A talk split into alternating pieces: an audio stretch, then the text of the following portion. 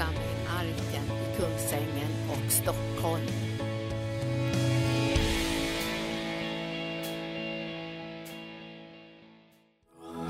Ja, vi prisar och tackar dig, helige Ande, för att du är här. För att göra Jesus synlig och känd för oss. Så att vi när vi lever i hans efterföljd och vandrar med honom i olika eh, situationer i livet så, så ser vi klart och vet vem han är och vet vilka vi själva är så att vi kan vandra trygga. Vi tackar dig Herre för att hans kraft och hans makt som också blir vår i situationen när vi blir kallade att göra hans vilja.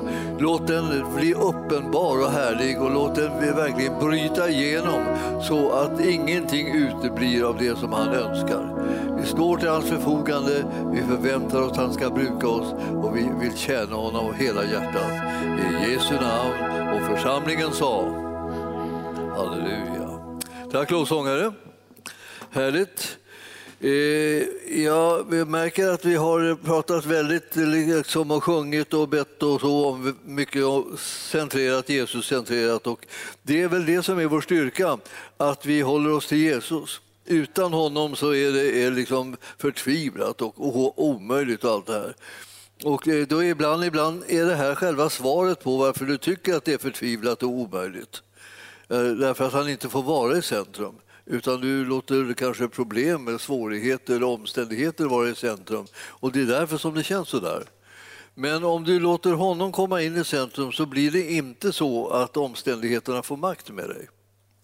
Och det blir inte förtvivlat utan du kommer att märka att det finns utvägar, det finns lösningar, det finns hjälp ifrån honom som har all makt i himlen och på jorden.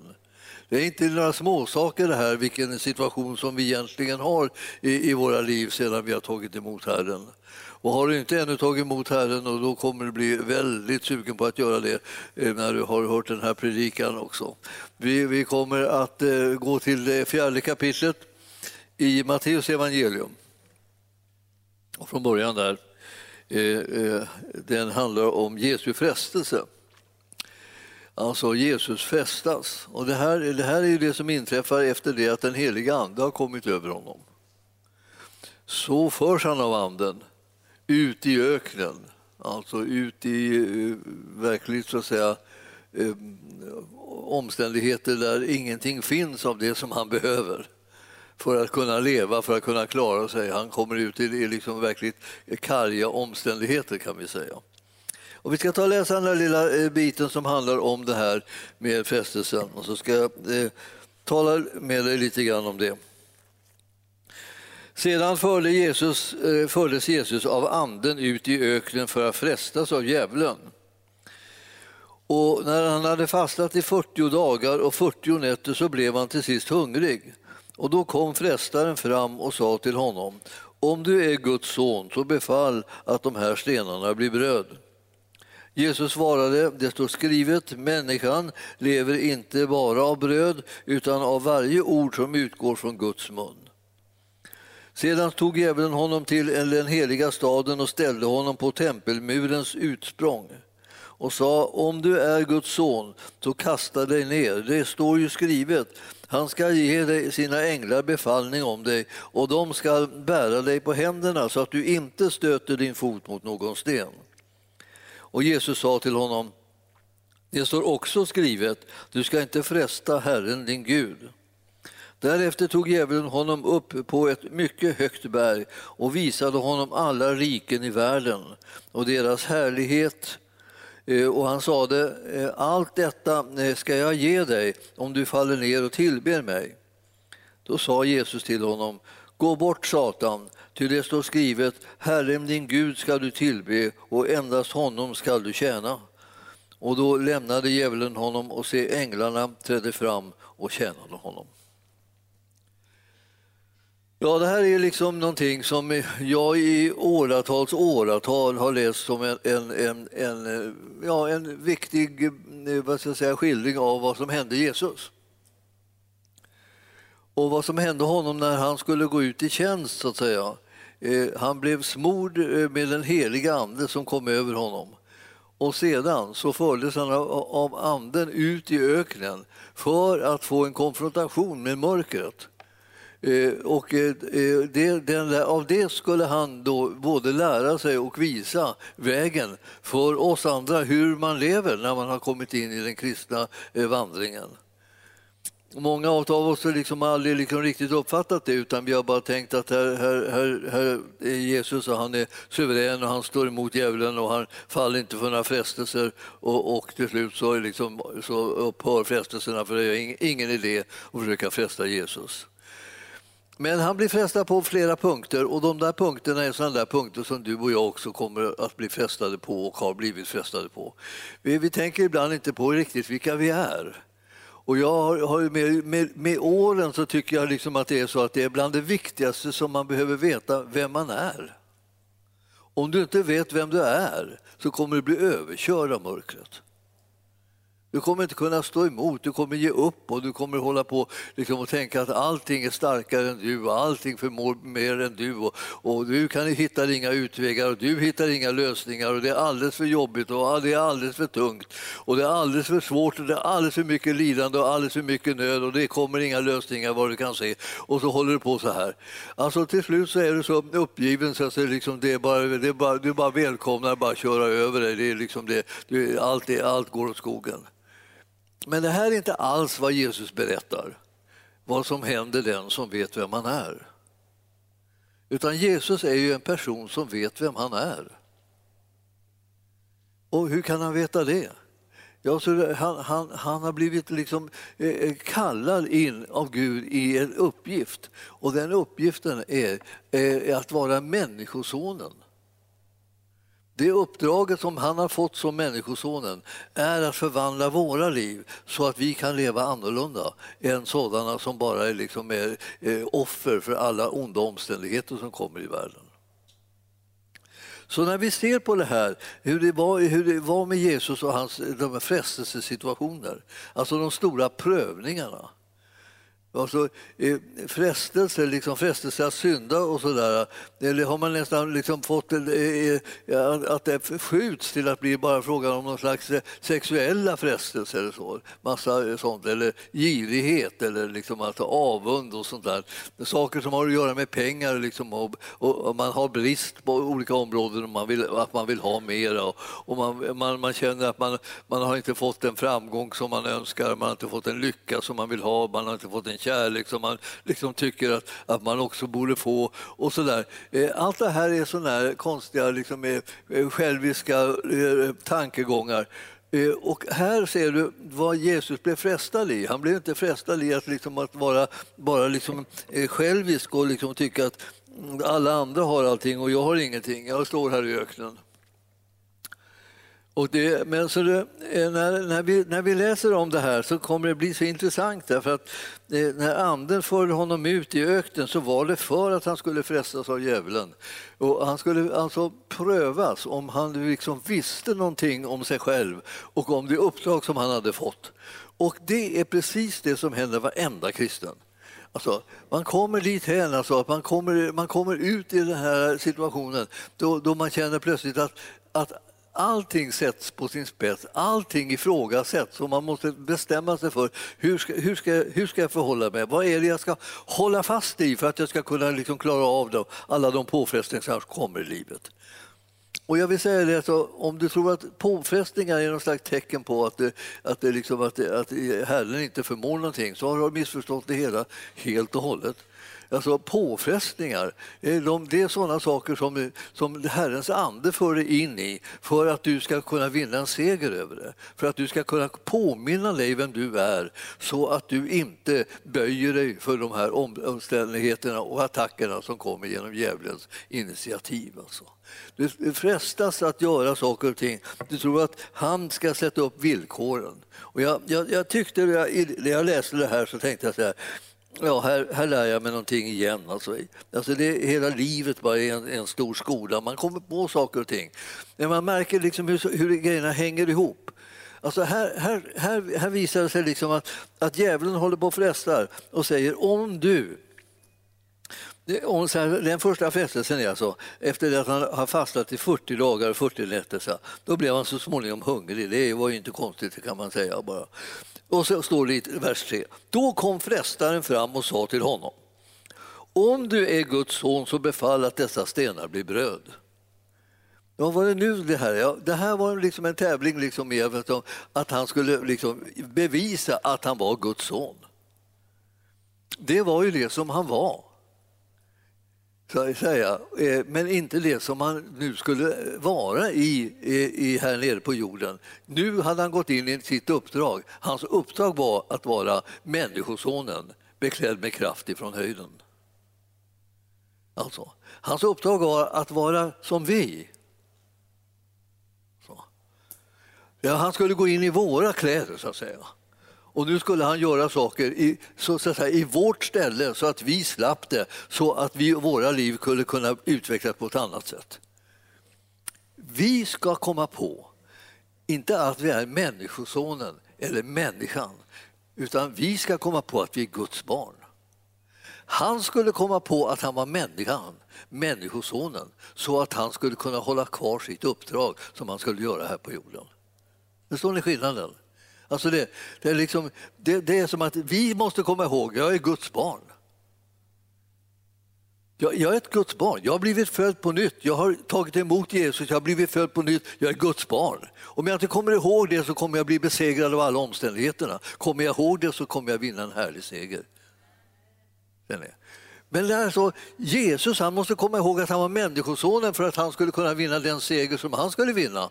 Han skulle vinna den segern som där han tog på sig all vår synd, alla människors synd och tog den på sig och dog i vårt ställe. Och när straffet var fullbordat då kunde han uppstå från de döda och evigt liv var det som man fick som arvedel. Det fick han för vår skull så att han skulle kunna ge det till var och en som tror. Åt alla de som tog emot honom så gav han makt att bli Guds barn åt alla de som tror på hans namn. Va? Om, om den som har sonen, han har livet. Det här är frågan om det eviga livet. Alltså det, här är, det här är en fråga om identiteten. Alltså du måste veta vem du är nu. Inte veta bara vad det var. Eller vad, liksom, vad djävulen säger, så här, bevisa att du är liksom ett Guds barn. Då bevisa, eh, liksom gör alla möjliga olika eh, eh, tokigheter så, måste liksom, så är Gud tvungen liksom att, att erkänna det genom att ta vara på det. Liksom. Om du hoppar ner från muren eller, så, så kommer liksom änglarna och bär dig liksom, därför att Gud måste bevisa att du är ju hans barn. Men det här är djävulens villkor. Vi behöver inte djävulens villkor. Vi är redan säkra på vilka vi är. Vi behöver inte bevisa vilka vi är. Utan det, det, det, vi har blivit födda på nytt. Vi har tagit emot Jesus Kristus och allihopa de som tog emot honom blev hans barn. Så det är Guds barn. Och Jesus hade kampen med att han säger jag är människan, jag är, jag är människosonen. Jag tillhör människosläktet, jag är representanten för dem nu. Han la av sig sin gudomshärlighet för att vara eh, människans representant. Därför när vi ser vad, vad djävulen försöker få honom att göra är att han ska kliva tillbaka till den rollen som han egentligen hade förut. Och släppa det här med försoningen för mänskligheten. Så den skulle kunna gå förlorad som djävulen hade räknat ut. Ni ser att det, det här liknar lite det som, var, som är frågan om syndafallet.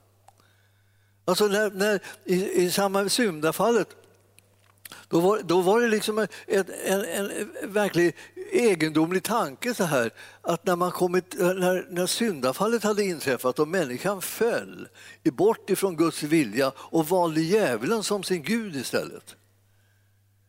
Då blev det konsekvenser av det valet som gjorde att relationen mellan människorna, mellan man och kvinna förstördes.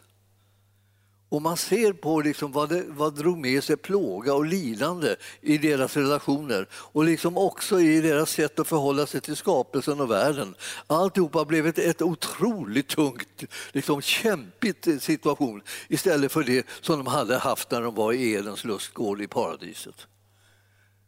Och de fick inte komma in, komma tillbaka. Men när de kom ut där, ur, blev utrivna ur, ur paradiset, ja, då, då, blev det liksom en, en konflikt mellan dem som att gjorde som att det blev en kampsituation.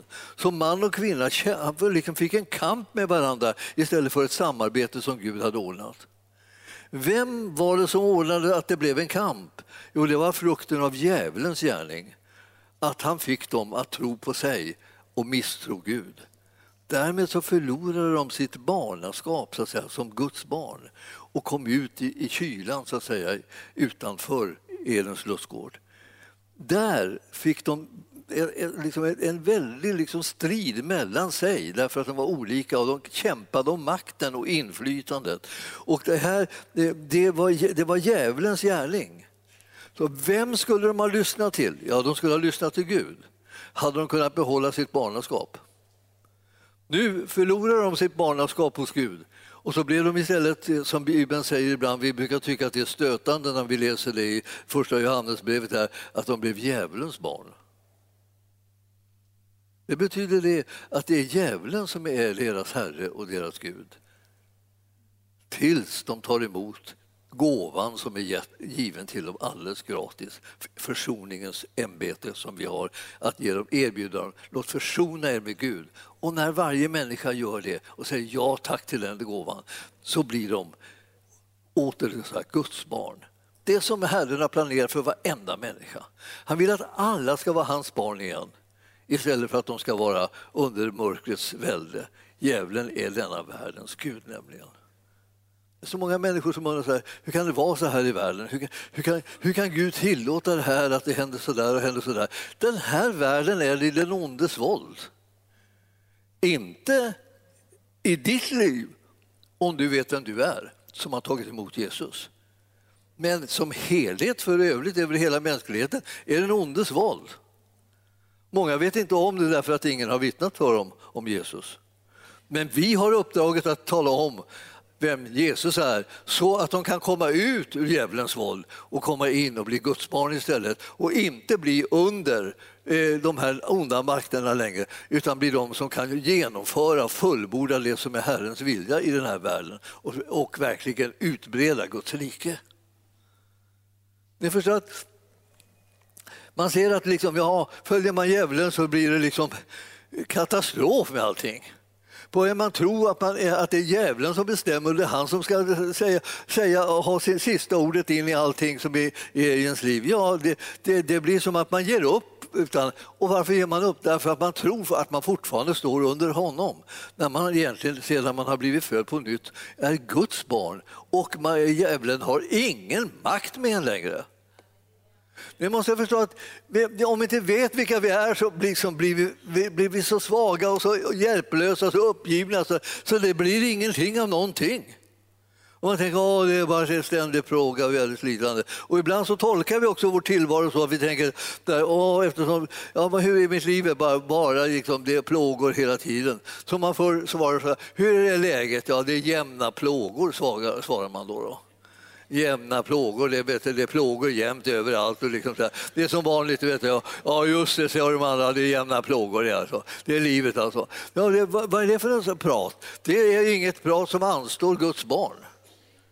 För, för de, de, även om de möter plågor och svårigheter i livet så är det så att de går segrande ur den striden om de kommer ihåg vilka de är. Så att de kan använda det namnet som de har rättighet att använda och så kan de röja mark så att säga för det som är Guds rike och Guds vilja i den här världen istället. Det, det är mörkret som får liksom fly istället för att det, det blir Guds barn som flyr. Vem är du alltså? Det är frågan.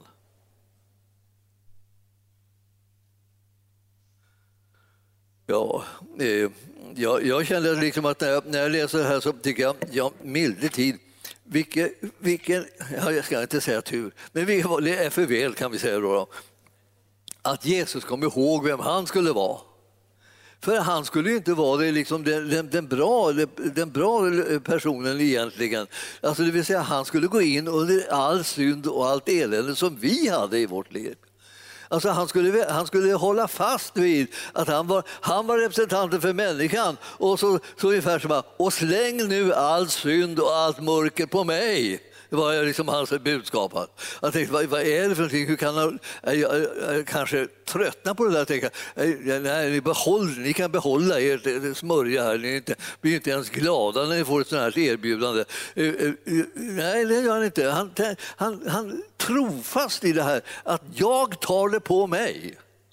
Och när han tar det på sig, då, då, då, är det som att du och jag kan bli fria från det genom att vi tar emot den gärning som han har gjort för oss. Och då, då, då kommer vi att bli lösta från mörkret och från synden och vi får evigt liv. Vi som är Guds barn har evigt liv. Vi som, har Guds, som är Guds barn, vi har makten och auktoriteten över mörkret. Vi kan binda och förstöra, vi kan bryta och vi kan befria därför att makten ligger i namnet Jesus och det namnet har du och jag tillgång till. Vi är, vi är inte några offer för liksom saker och ting, vi är de som kan vinna seger. Och därför så när vi läser det här nu då, liksom, så måste vi se att ja, kom frestaren fram och sa om det är Guds son så befall att dessa stenar blir bröd. Om Jesus hade satt igång med det då för att bevisa att han var Guds son, vilket han förut var och fortfarande var, fast inte var i, liksom, det var i, låg i, så att säga, i, och, i dvala så att säga, i, på den delen. Så att säga. Det, var en, det var någonting som han inte utnyttjade för närvarande. Utan just nu så hade han lagt det åt sidan, sin gudomshärlighet. Och så var han människosonen. Och det här, om han satte igång och håller på att försöka bevisa att han var Guds son när han hade som uppgift att vara människosonen eller människan, då hade hela försoningen gått om intet. Det första han råkade ut för var det frågan, vet du vem du är? Och hade han inte vetat det så hade vi inte suttit här. Då hade vi inte haft något hopp och vi hade inte haft någon utväg och vi hade inte haft någon lösning och vi hade inte haft något liv som hade någonting liksom av framtid med sig. Alltså det hela hade varit absolut slut.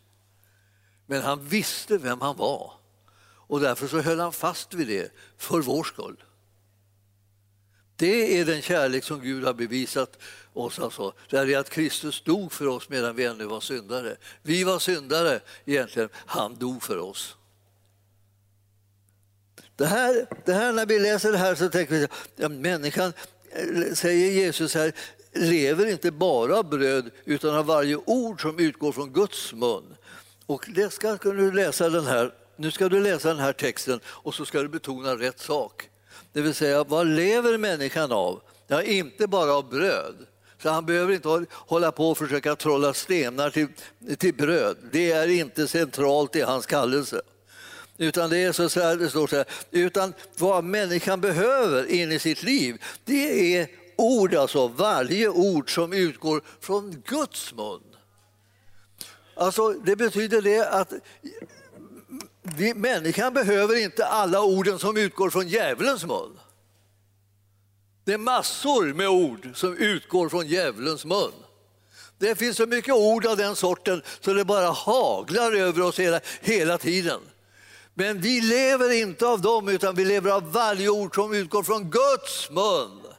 Och om vi ser till att vi liksom fokuserar på det så kommer inte vi komma att bli liggande och bli överkörda utan då kommer vi stå där medan alla andra faller och rasar och mörkret raseras. Varenda mur som har byggts upp från mörkrets sida kommer bli rasa, rasa ihop och bli till ingenting. Därför att du och jag vet vilka vi är och vi håller oss till de orden som kommer ifrån Gud. Ni förstår att det här är, ingen, det här är inte liksom en liten bagatell i det kristna livet. Det här är A och O för en kristen. Vet den inte det så blir det bara, alltid bara hålla på och kolla, titta på omständigheterna, titta och undra om du, ska, om du ska gå under eller om du ska klara det en kvart till. Liksom så här. Ja, det, var, det här såg illa ut. Nu, nu kommer vi säkert att rasa ihop. Det här kommer aldrig att hålla. Vi kommer att gå under, vi kommer att gå under, vi kommer att gå under. Alltså, vad, vad är det för prat? Alltså, har, kommer det, har du hört det här från Gud? Liksom att Gud ropar från himlen. Kommer gå under, kommer gå under, kommer gå under allihopa. Det kommer gå under. Det dröjer inte länge förrän det kommer gå under. Jag har aldrig hört, aldrig hört ett enda pip om att vi kommer att gå under ifrån himmelen. Är det så? Och, och så länge som inte det kommer därifrån så behöver inte du bry dig om när du hör den där rösten, för det är inte Guds röst. Bry dig om Guds röst, det är det vad du ska göra, inte djävulens röst. En del tycker det är mycket lättare att höra djävulens röst. Den verkar vara liksom mycket högre och starkare. Liksom. Och jag har mycket, mycket starkare bilder. Så här. Man, man fantiserar. Så här. Man, så här, folk som går och gör läkarbesök så här, har, får ofta problem med liksom, fantasin. Så här. Ja, vi vet inte vad det här är, vi, kan inte, vi måste undersöka det här lite närmare. Du får gå på lite, lite röntgen hit och dit. Så här. Och då börjar man tänka, uh, så här, djävulen tänker, åh, liksom cancer, det är cancer. Och så det, det växer överallt, så här, liksom varenda grej man känner, så, åh, det måste vara cancer. Och, och du vet att man, man får en fantasi där som är utan, utan ände och djävulen målar upp det här för glatta livet och, och man stirrar hungrigt på det och tar reda på liksom hur illa kan det gå. Vem är du? Du är Guds barn. Och han, han är läkaren, den store läkaren. Han är den som kan rädda dig, han är den som kan bevara dig, han är den som kan beskydda dig. Han är den som kan lösa dig från varenda eh, snara som djävulen lägger ut i livet. Om vi vet vilka vi är och vi kommer ihåg vem som är vår Herre så kommer vi att lyssna på rätt röst. Och lyssnar vi på rätt röst så hittar vi en utväg. Och du kan säga, vad, vad, vad nu då? Hur kan du vara så säker på det? Ja, därför att Gud är god. Och han älskar oss så att han har sänt sin egen son som har gett sitt liv för oss så vi slipper dö och istället lever. Är det så? Det? Ja, nu, nu, det, nu, blir, nu börjar det skryta om Gud precis som han kan vad som helst. Ja, just det. Det kan han.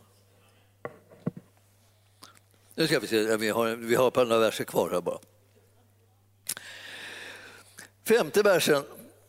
Så tog djävulen honom till den heliga staden och ställde honom uppe på tempelmurens eh, utsprång. Och så sa han, om du är Guds son, han har fått det här på hjärnan alltså, om du är Guds son, det var alltså stora problemet som han hade, liksom det här, att, att, han, att, att han på något sätt fått, fått klart för sig att han var Guds son. Alltså han var Guds son, va?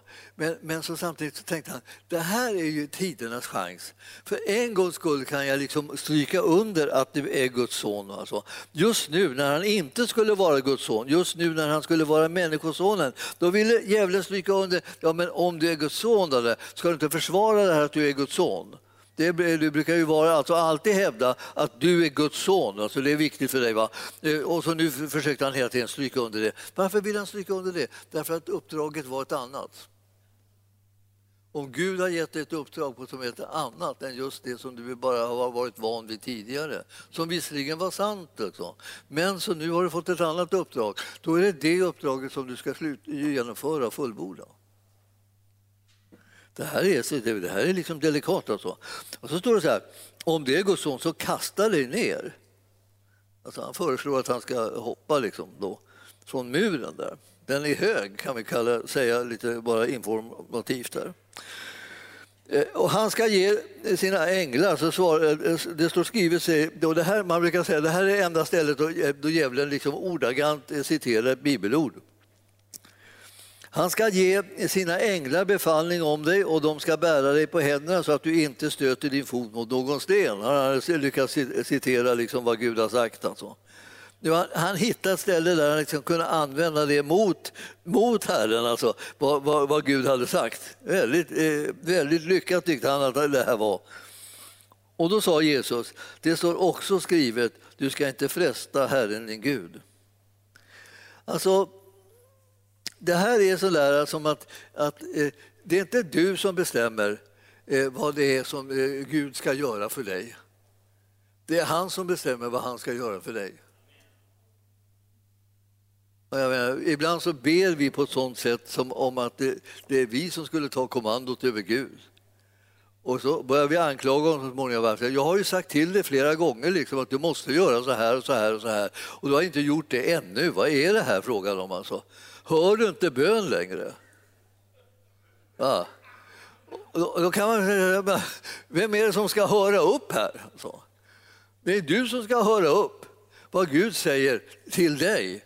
Så, så kommer du att kunna bedja rätta böner. Du ska bedja efter det som han säger till dig.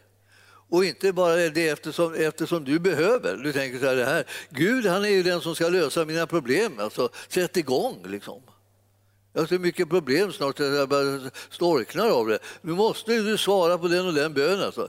Jag har ju en erfarenhet av att, liksom, att jag slutade be för att jag inte tyckte att Gud skötte sig. Det låter ju inte klokt. Det var det inte heller. Det var som en dåres reaktion på det. Men jag hade hållit på i åratal och försökt att övertala Gud vad han skulle göra för mig. Och det var mycket saker som jag hade då där. Och jag höll på, jag höll på, jag bad, jag bad, jag bad, jag bad, jag bad. Åratal. Och till, slut, till slut var jag liksom, liksom precis alltså vid slutet på... Jag orkar inte med det längre. Jag tänkte, det här får, nu får det vara nog. Och så, om, jag inte, jag sa det, att om du inte hjälper mig med det här nu, då tänker jag sluta be till det. Alltså, var, jag vet inte var jag, hur, hur barnslig jag var. Alltså. Det fanns inga gränser för det, men det, det kan hända. Liksom. Många barnsliga människor finns det ju. Jag var en av dem. Och då, när jag hade sagt det där och, och så hade jag bett bönen då. Och så fick jag inte bönesvaret. Då jag satte jag igång att, eh, mitt projekt då, med att vara konsekvent och inte be. Och det var, ju, det var bland det svåraste jag har varit med om. Jag hade bett i hela mitt liv. Alltså, jag, jag kan inte påminna mig liksom när inte jag bad. Alltså, jag bad från, liksom, jag, jag var liten, liten så här, alltid bett. Och så skulle jag plötsligt inte be. Jag, jag, fick, jag kunde inte få stopp på det där. Alltså. Jag, jag, om, jag, om, jag, om jag var lite, lite trött så där, och skulle gå och lägga mig så där, då, då, då, då satte jag igång och ber med, automat, bara, med en gång, bara, automatik. Och så märkte jag att jag bad och så fick jag stoppa och så fick jag säga jag tar tillbaka det. Det var, så det var löjeväckande. Liksom. Ibland så lyckas jag liksom inte bedja liksom, på kvällen. Så vaknade jag mitt i natten och undrade vad det för fel, så här, lite sorgdrucken. Oj, jag glömde att be. Alltså. Och satte jag igång och be. Och sen så, på morgonen så kom jag på att jag var uppe i natt och bad. Då fick jag ta tillbaka det också. Så jag höll på så jag kämpade på Jag fick inte slut på det. Liksom. Det, tog, det tog mig lång tid innan, innan det liksom, äntligen blev slut. Men sen, sen eh, talade Herren med mig och, och, och började visa vem han var. Och jag började förstå vem han var. Och då sa då kan du få, då kan du få börja bedja till mig, men du ska bara ägna dig åt tacksägelse. Och då började jag tacka Gud. Det var det som gjorde att mina ögon öppnades för Herrens härlighet. Jag tackade Gud, jag tackade Gud tills jag liksom grät av tacksamhet över hans godhet. Det verkade inte som om mitt liv egentligen hade ändrat sig. Det var jag som hade blivit ändrad. Alltså, det var jag som inte längre lät liksom, de här omständigheterna få makt med mig. Det var jag som kunde se vad, hur, vad Gud gjorde för någonting istället i mitt liv och var, var, var, var, han var verksam på olika sätt och hur han räddade mig och hjälpte mig och allt möjligt på alla möjliga områden där som, jag, som jag inte hade bett någonting om. Jag fattade inte liksom att jag skulle ens be de bönerna men, men han visste att han, ville, att han skulle ge mig det bönesvaret. Så när jag väl såg det så tänkte jag det där skulle jag verkligen ha bett om.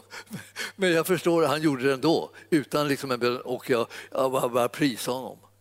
Hela mitt liv förvandlades liksom, och hela mitt böneliv startade liksom i, en, i en slags frisk och sund ände med att tacksägelsen kom först.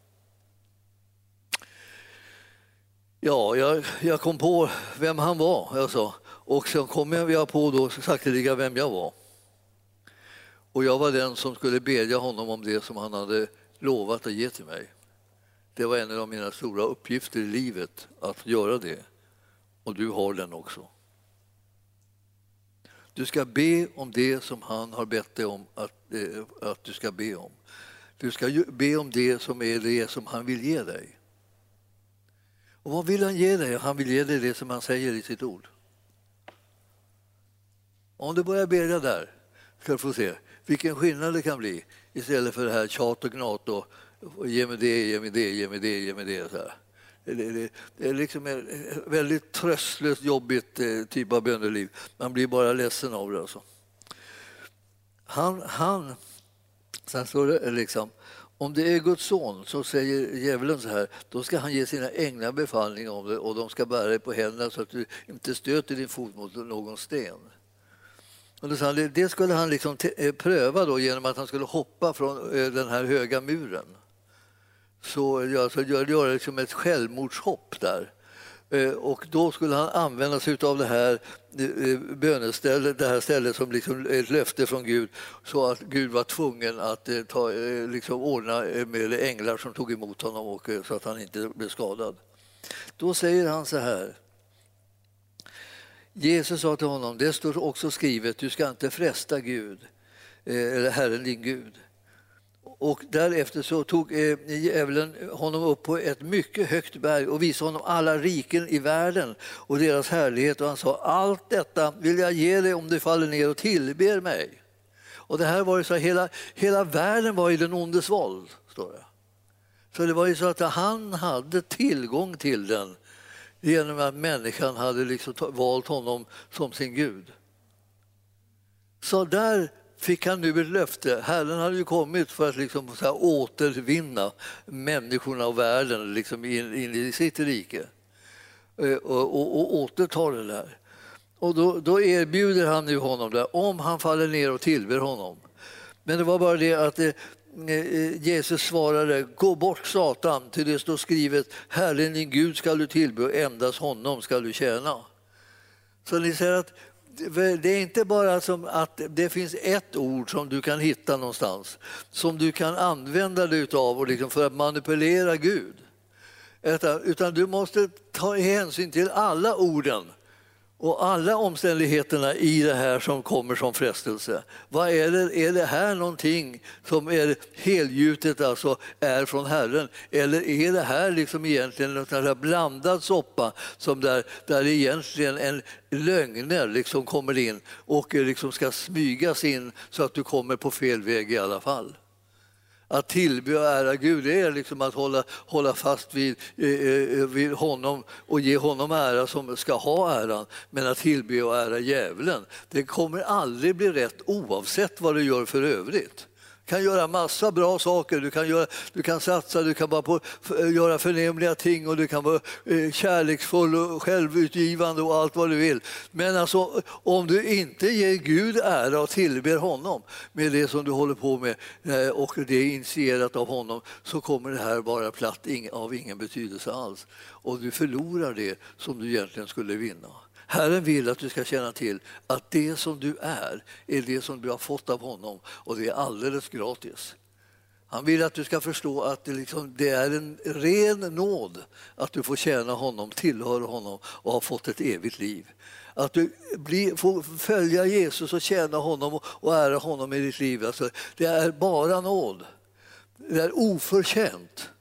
Herren har gjort det här av kärlek till dig och han älskar dig över allting. Och när du kan lära dig det, vem du är och vem han är och vad han har gjort så kommer du att kunna bli en övervinnare när det gäller omständigheterna som du möter i livet. Då behöver du inte säga så här, det jobbiga, va? det, det jobbar med att vara kristen är liksom att det är så fruktansvärt mycket attacker.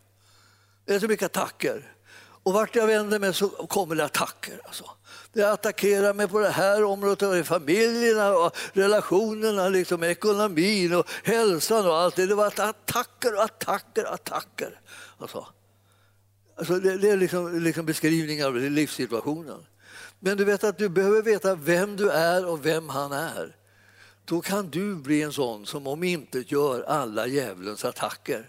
Du kan, liksom sätta, eh, du kan sätta liksom verkligen liksom ett stopp för vad helst han företar sig, det kommer han att misslyckas med. Han kommer att stöta på liksom en, en maktfaktor alltså som heter Guds barn, som, inte, som han inte får rå på hur han än försöker. Därför att det här Guds barnet vägrar att titta på alla djävulens hemska bilder om hur det ska, kommer att bli, gå i, i livet. Och, så. och han vägrar liksom att genom liksom få honom att fantisera för fullt liksom om, om alla ut, eh, negativa utvecklingar som kommer och alla sjukdomar som kommer att drabba. Vi är lite olika där. Liksom. En del av er har liksom mera så att säga, gåvan att kunna liksom, hitta på sjukdomar liksom, som kommer, kommer liksom, så farande liksom, och tänker så här, nu kan det komma den sjukdomen och sen kan det komma den och det kan komma den. Nu var det någon som upptäckte så här att, att det hade kommit en, en, en, en rackarns eh, eh, sån här stort otäckt liksom, fästingstyp liksom, till Sverige. Ja, då tänker man, Alltså, och den sprang då efter den i tio minuter. Och man tänkte så här, det, det var en, en otäcking alltså. alltså. Det kommer säkert på mig, tänker jag. Så här. Och nu kommer jag inte kunna gå någonstans. Jag får vakta mig för allt gräs, alla pinnar och allting löv. Och så här. Jag får liksom kliva försiktigt så, här, så att den inte kommer. Så här. Och så har han så här luktsinne så han kan känna, känna mig alltså, på nio meters avstånd känner han om, jag, om jag kommer i närheten. Och då sätter han igång och springer mot mig. Och då ska jag försöka springa ifrån honom där under tio tio minuter. Alltså, ja, det är hemskt att det ska behöva vara så. Man ska vara förföljda fästingar och så. Alla liksom, vi kanske skulle ha liksom en särskild liten, liten träning, löpträning och sånt där. Så vi, så vi skulle kunna hålla undan för de här fästingarna. Vi vet inte riktigt hur fort den springer. Den, den springer i alla fall ganska fort, mycket fortare än den där lilla som, som håller på där. Så att det, det kan hända. Man ska, och du vet att håller man på så här, till slut så kommer man ju bli helt snurrig. Alltså. Man vågar inte gå någonstans, vågar inte röra sig. Allting som liksom, liksom kliar någonstans så kan man ge sig på att det är den där stora fästingen som man kommit fram då, liksom, och, och huggit den liksom, på något vis. Och så bär den säkert på massa olika sjukdomar som man blir som en, som en, liksom, som en riktigt, riktigt skräck, skräckexempel liksom, på liggande där på sjukhuset. Alla, ingen vet varken ut eller in vad de ska göra med en för man har blivit attackerad av en sån här springande fästing. En hel del liksom, eh, fantasi sattes i rörelse när man gav den där informationen, så är jag säker på. Liksom. Eh, jag råkade ut för det själv. Liksom. jag tänkte så här, ja, nu kommer det här, kommer det där. Ja, men ni förstår, alltså, eh, du, om du ska fantisera kring någonting, eller om du ska föreställa dig någonting, kan vi sätta med, då ska du föreställa dig hur det är att vara Guds barn. Du ska föreställa dig Du ska inte lycka föreställa att du ska vara en liten mus, liksom en liten, eller en liten, liten ynklig typ så liksom där, som all, all, allting drabbar. Och så. Utan du ska föreställa dig att du är Guds barn. Alltså med kraft och härlighet och närvaro av Gud. Liksom. Du, är, du är en sån där som vet, som, som hör ifrån Gud, som, som känner ledning, som får varningar, som får liksom, så du kan ta de stegen som du ska ta och göra det med kraft och, och härlighet och, och verkligen omintetgöra djävulens gärningar. Du ska, du ska börja tänka sådana tankar. Hur är man när man är Guds barn? Ja, man är inte liksom bara en mes som är rädd för allting och bara springer, springer undan eller gömma sig så här. Ja. Eller man kan, man kan tänka sig, vad är det som kan bara bita bäst på en sån här fästing? Om det kan vara någon slags spray eller någonting, eller, eller någon, eld, eldkastare eller sådär. där. Man, man, bara, man röjer hela marken när man går fram så här så att allt brinner upp innan man vågar gå där. Alltså, ni förstår att det här, vilka vi är, är vår största tillgång att vara medvetna om det. Och vi är tillsammans med Jesus Kristus och vi är i honom och han är i oss. Och därför så är vi mer än övervinnare. Ja. Och om en tusen faller vid vår sida, tiotusen på vår högra sida, så skall det dock inte drabba dig. Så är det va. Det är det där som du ska känna till, milde tid. Då liksom kan du gå och stampa lite grann. Så, här bara. så tänker du så här, om jag bara stampar en gång så, så träffar jag 15 stycken av dem där på en gång. Jag bara, jag bara, tjonk, jag bara, så, är, så är det slut med det. Ja. Skämt åsido, gör dig bekant med vem du är och vilken Herre du har så kommer ditt liv få en helt annan liksom, utveckling och en helt annan, liksom, du kommer få en helt annan syn på liksom, tillvaron och du kommer känna liksom, frimodighet när du håller på att tjäna Gud i den här världen. Det får vara hur mycket problem i den här världen som helst, de kommer inte besegra dig. Ja, men jag har ju besegrat jättemånga problem, säger jag. Men vad har du hållit på och tänkt på? Då? Vad är det du håller på att greja med? Då? Är, det, är det din identitet som är, liksom nummer ett? Är det din Herre som är nummer ett för dig? Eller vad är det du tänker på? Ja, ja, ja, ja. Man, måste, man måste ju tänka sig för. Liksom. Det är mycket faror och mycket elände. Ja, det, man behöver inte ge det särskild uppmärksamhet. Ja, det är ingen som håller med när man säger det. Liksom. Det är hopp, hopplös. Liksom, så här.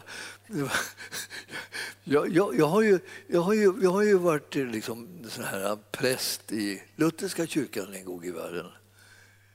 Alla ville, som jag gjorde hembesök hos, ville alltid prata om alla sina mediciner och vilka sjukdomar de skulle vara till för.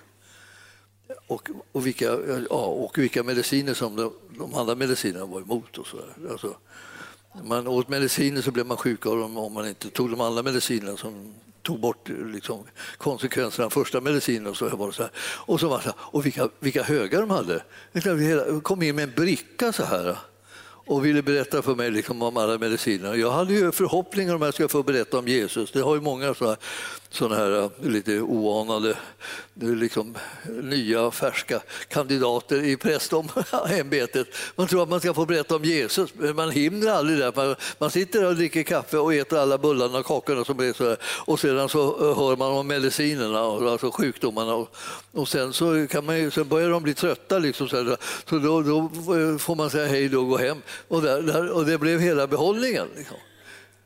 Men ni förstår, vi, vi, vi, har, vi har en herre som, som är, är vår läkare. Han är, han är herre över alla omständigheter. Han är den som man kan besegra till och med döden. Vi, vi, vi behöver inte vara gripas av massor med oro. Det är liksom inte vår kallelse. Vår kallelse är liksom att gripas av frimodighet och glädje och tänka att ja, Herren är med oss och han kommer hjälpa oss att bli övervinnarna i vilka lägen vi än hamnar i. Det är så mycket, många svår, problem och svårigheter. Ja, är det så att Herren har inte han sagt till dig att han vill hjälpa dig?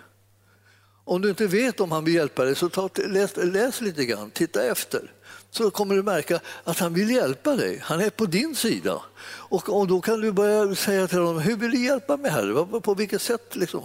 Så kan han börja tala till dig om det som är utvägarna och lösningarna och möjligheterna och kraften och, och vägen att gå på. Och så blir du liksom, liksom en person som blir eh, liksom frimodig istället för en som blir knäckt. Han vill inte att du ska vara knäckt, han vill att du ska vara vid gott mod. Och det är därför han har så mycket fantastiska ord att säga till dig. Lyssna till de orden. De där andra orden som bara liksom försöker undergräva ditt liv, liksom, lägg dem åt sidan. Liksom bara. Släng dem ifrån dig. Och så låt Herren liksom tala det som är de sanna orden med utvägarna och lösningarna. Ni ser att Jesus han blev frestad här. Han hade utmaningen liksom att, att säga ja till kallelsen och vara den som han har blivit kallad till att vara. Och, och, och han klarade det. Fastän man kan säga var till synes var liksom en väldigt, väldigt otäck typ av, av, av lösning som, som man måste komma fram till. Alltså det här med att ta på sig all synden från, från hela mänskligheten och så, och så lida och dö för den. Här, det, den sista delen var naturligtvis härlig och sen uppstå liksom, och slänga av sig all, hela, hela smörjan och uppstå där allting var försonat. Så att han kunde liksom vinna alla dem som hört talas om den här försoningsgärningen som han har gjort. Och det är genom oss som den här försoningsgärningen blir känd. Det är som inga andra som känner till den, eller det vi, vi får räkna med att det är vi som känner till den och de som vi berättar det för. Annars så vet man ingenting. Överallt där man hör världen prata om, om, om kristendom så hör man att de vet inte vad de pratar om.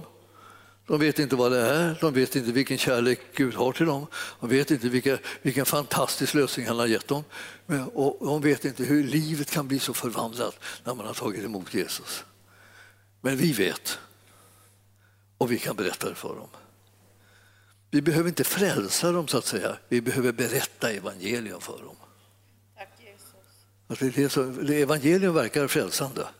Så bara du får ur dig evangelium så kommer det liksom lösa sig för dem. Men om du aldrig säger någonting då kommer, hittar de ingen lösning. Så vi är de som går bärare av den här fantastiska skatten att veta hur man blir frälst. Man tar emot Jesus i sitt hjärta Man säger tack Jesus, kom in i mitt hjärta, förlåt mig mina synder, fräls mig. Och då vet han vad det är för någonting och så gör han det och så blir du alltså överraskad. Det är du som blir överraskad som tar emot frälsningen för du tänker oh, var, var det så här? Var det så här? Blev det så här bra? Så blev, kunde någonting bli så här annorlunda? Ja visst, det kan det. Det här är, det blir så annorlunda så det övergår ens förstånd. Och så har vi den skatten att dela med oss av. Glöm inte bort att dela med er av den. Den, den, den, den, har en tendens att bli större och härligare och mer underbar när man delar med sig av den. Om man inte gör det så, så, så verkar det så att den krymper i ens ögon. Och snart är man rädd för allting istället för att vara en som är fullständigt orädd och oförfärad. Som det står. Du ska inte frukta något. Oj då, visst ja. Så var det ja. Du ska inte frukta någonting. Nej. Himmelske Fader, vi ber att du verkar bland oss och låter sanningen som du står för och är vara uppenbar för oss. Låt också sanningen som det, har, det som vi har blivit när vi har blivit Guds barn vara tydlig och klar för oss så att vi frimodigt kan göra dina gärningar i den här världen. Så att vi frimodigt kan räkna med de möjligheter vi har att de inte göra djävulens gärningar. Vi tackar dig Herre för att vi inte är kallade att vara några, eh, några, några rapportörer för, för fienden och eh, gärningar utan vi vill dem föra ut evangelium. Evangelium är en, en, en kraft till frälsning för var och en som tror. Jag prisar för det Herre. Låt oss få se det varje gång som vi vittnar Herre. Låt oss få se din härlighet bryta igenom in i människors liv och låt oss få se hur de bärgas också in i Guds församling och in i Guds rike. I Jesu namn och församlingen sa Halleluja, prisad vare Gud. Ta gärna och läs den där eh, lilla biten där om, om, om hur Jesus frestas och så tänk på det här att det, det här är det jag lär mig, alltså att jag ska hålla fast vid min kallelse och det som Gud har gjort mig till, det är det som gäller. Alltså jag är ett Guds barn och hans namn är ett härligt eh, redskap som jag kan använda för att, för att de inte göra fiendens gärningar. Och hans ord är det jag kan använda för att vara säker på att jag ber om det som han vill ge mig.